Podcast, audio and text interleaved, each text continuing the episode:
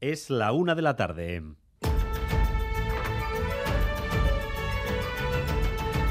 Crónica de Euskadi con Dani Álvarez.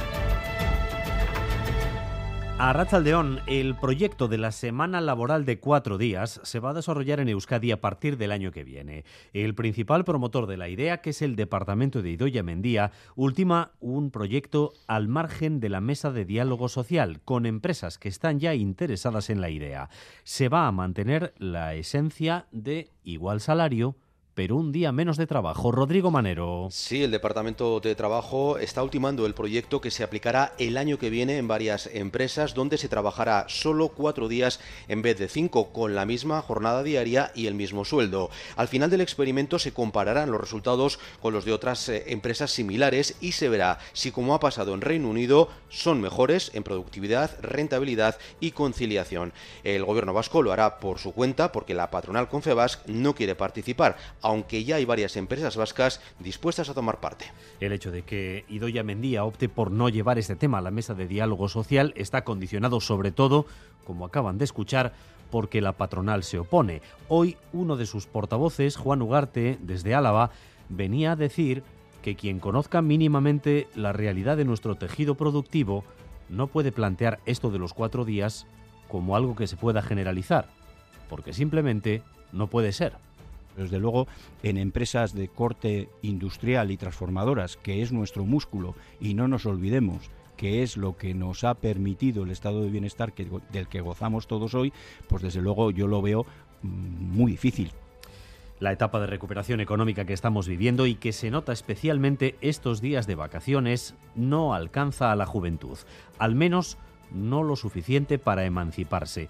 Un nuevo estudio indica que la falta de estabilidad laboral, los salarios y el creciente precio de la vivienda taponan sus aspiraciones de vivir por su cuenta. Natalia Serrano. Sí, alerta ayuda en acción que el porcentaje de jóvenes que vive con sus padres va a crecer casi un punto en los próximos 10 años, cada vez más lejos de la media europea, con un nivel de estudios mejor, unas condiciones de empleo también mejores. El precio de la vivienda cronifica sus problemas para emanciparse. El estudio llega a hablar de empobrecimiento de la juventud.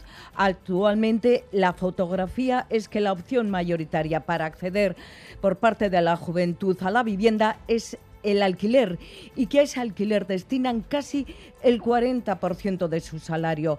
Ayuda en Acción pide políticas para mejorar, por un lado, condiciones laborales de la juventud, por otro, para limitar el precio de la vivienda. El tranvía se expande desde hoy por Vitoria-Gasteiz. Desde primera hora está funcionando ya la ampliación a Salburúa y los vecinos del barrio no solo lo han acogido con agrado, sino que ya hemos comprobado cómo muchos han podido dejar el coche en el garaje, Sonia Hernando. Fina, una historia que comenzó en pandemia con casi tres años de obras. Hoy a las seis y cuarto de la mañana ha salido el primer tranvía con pasajeros desde la primera de las cinco paradas de Salburúa. Una de las que vamos a escuchar esta mañana ha cambiado el coche por el tranvía.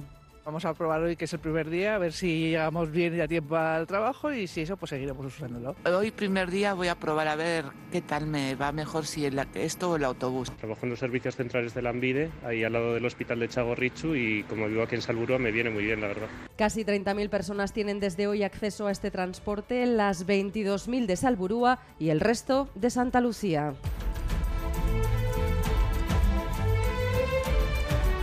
El Partido Socialista de Euskadi cuestiona los criterios que emplea el gobierno municipal de Galdacao para definir qué es una víctima de la violencia o el terrorismo.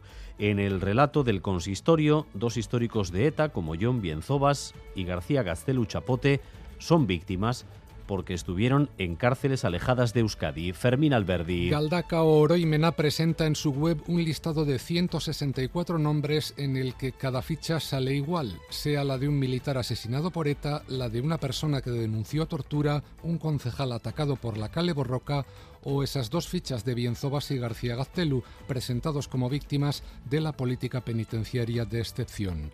Los socialistas en Galdacao exigen que se retiren esos nombres de destacados presos de ETA. Ya se lo pidieron a alcaldía en manos de EH Bildu y a sus socios, así como a Aranzadi, a quien todos se remiten ahora como autora de este trabajo.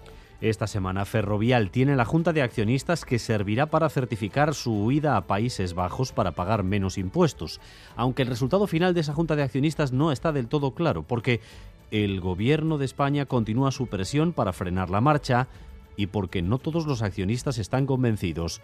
Madrid, Císaro Baza. Sí, ayer por carta el Gobierno hacía un último intento para hacer recapacitar a la compañía. Desde el Ministerio de Economía dicen que no hay razones económicas para que Ferrovial desplaza su sede. Así pues, el Ejecutivo traslada su disposición para acompañar a la empresa si decide cotizar en Estados Unidos desde España. La Junta de Accionistas se reúne este jueves. Salvo sorpresa, avalarán la mudanza. Sin embargo, uno de los principales accionistas extranjeros, un fondo soberano noruego, se opondrá al traslado. En clave cultural, la segunda y última jornada del Idazlen Bilzarra de Sara está dedicada a los profesionales del mundo de la literatura y la edición.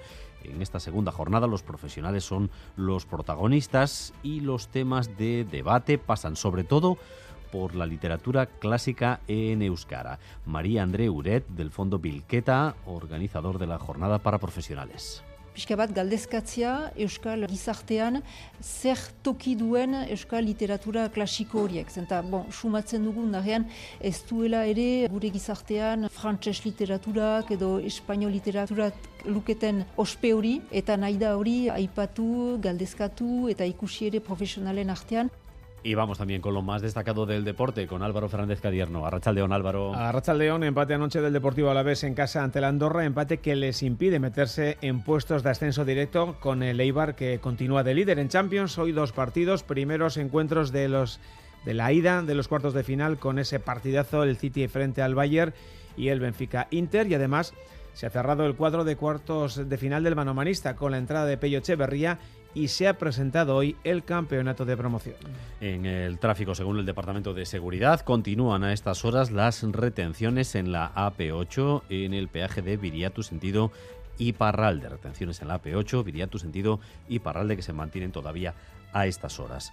Los cielos se espera que eh, vayan eh, a mantenerse despejados durante lo que queda de tarde. El viento del nordeste, eso sí, va a soplar con intensidad, especialmente a últimas horas de la jornada. Temperaturas en ascenso, vamos a superar de nuevo los 20 grados a lo largo de la jornada. De hecho, ya se rozan a estas horas en Bilbao o en Bayona, 17 grados de temperatura hay en Donostia, Vitoria-Gasteiz e Iruña, por todavía tiempo estable y temperaturas en ascenso. Gracias un día más por elegir Radio Euskadi y Radio Vitoria para informarse. Paula Asensio y José Ignacio Revuelta se encargan de la dirección técnica y Ainhoa Iglesia de la coordinación.